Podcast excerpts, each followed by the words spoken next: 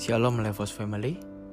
Hari ini kita akan merenungkan sebuah kebenaran firman Tuhan yang berjudul Neokolonialisme. Neokolonialisme. Neokolonialisme secara sederhana berarti penjajahan dalam bentuk yang baru.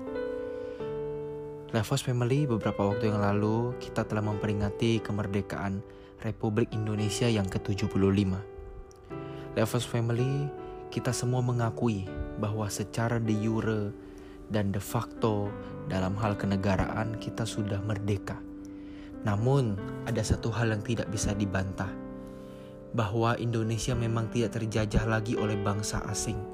Secara teritori kita berdaulat.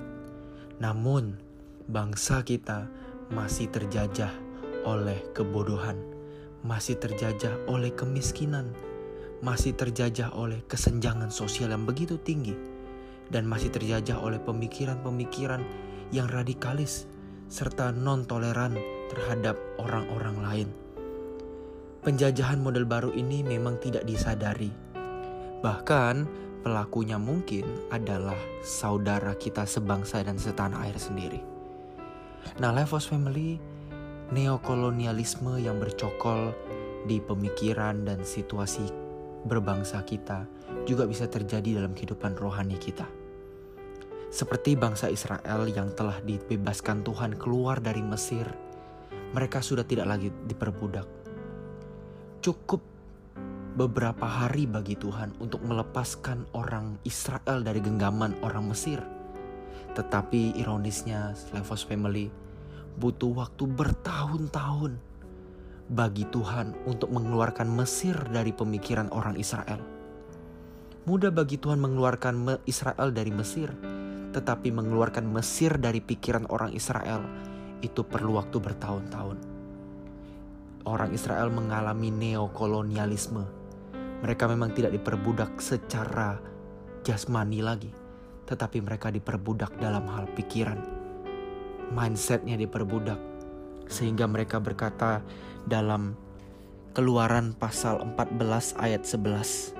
Dan mereka berkata kepada Musa, Apakah karena tidak ada kuburan di Mesir, maka engkau membawa kami untuk mati di padang gurun ini? Apakah yang kau perbuat ini terhadap kami dengan membawa kami keluar dari Mesir? Bukankah ini telah kami katakan kepadamu di Mesir? Jangan mengganggu kami, dan biarlah kami bekerja pada orang Mesir, sebab lebih baik bagi kami untuk bekerja pada orang Mesir daripada mati di padang gurun ini. Bayangkan Levos Family, setelah perbuatan Allah yang luar biasa menulahi Mesir di depan mata orang Israel sehingga orang Israel diizinkan keluar. Tetapi dalam pemikiran orang Israel lebih baik di Mesir daripada mereka harus menghadapi ketidakpastian di depan laut Teberau. Semua ini menunjukkan kepada kita bahwa memang Israel tidak terjajah lagi secara fisik, tapi secara pikiran, secara mindset masih terjajah. Levos Family, ketika kita menjadi orang Kristen, mungkin kita lepas dari perbudakan pemikiran lama kita. Kita lepas dari berhala-berhala, kita lepas dari perbuatan lama kita yang dulu jahat. Tapi jangan sampai kita masuk dalam satu zona penjajahan yang baru satu neokolonialisme. Apa itu? Pemikiran yang salah.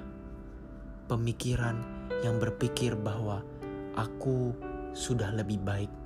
Aku sudah lebih benar dari orang lain. Aku lebih rohani dari orang lain. Sehingga kita merasa cukup. Kita sudah tidak lagi mewaspadai diri kita.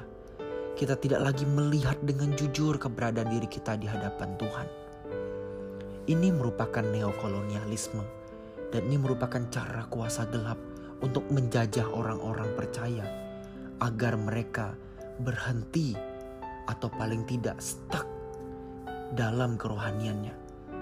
Ini satu hal yang harus kita hindari, Levos Family. Kita harus terus merasa bahwa diri kita adalah sosok yang rapuh dan butuh terus berubah. Kita belumlah menjadi bentuk yang terbaik dari diri kita kita belum menjadi versi yang terbaik dari diri kita. Kita terus berproses, kita terus mewaspadai diri kita. Sampai suatu saat Tuhan yang melegalisir Tuhan yang menyatakan bahwa kita berkenan di hadapan Tuhan. Itulah sebabnya pemazmur berkata bahwa dia ingin selalu diuji oleh Allah. Lihatlah selidiki jalanku, apakah hatiku serong. Hal ini membuat pemazmur terus merasa membutuhkan Allah, terus merasa haus akan Allah, karena dia mengakui kerapuhannya sebagai manusia. Dia mengakui bahwa sekarang dia belum mencapai apa yang Tuhan kehendaki, dan dia terus ingin berkenan di hadapan Allah. Kiranya kita memiliki pemikiran ini. Jangan sampai kita terjajah pada pemikiran yang bentuknya berbeda dengan yang lama, tapi sebenarnya sama saja. Kita terjajah, kita tersandra. Bedanya kalau dulu kita tersandra dengan hal yang jahat, tapi sekarang kita tersandra dengan hal yang kelihatannya kita pandang baik, padahal itu belum memuaskan hati Tuhan. Marilah host family, kita berjuang dalam perjuangan yang sangat berat ini. Namun sangat mungkin karena Tuhan beserta dengan kita. Tuhan Yesus memberkati.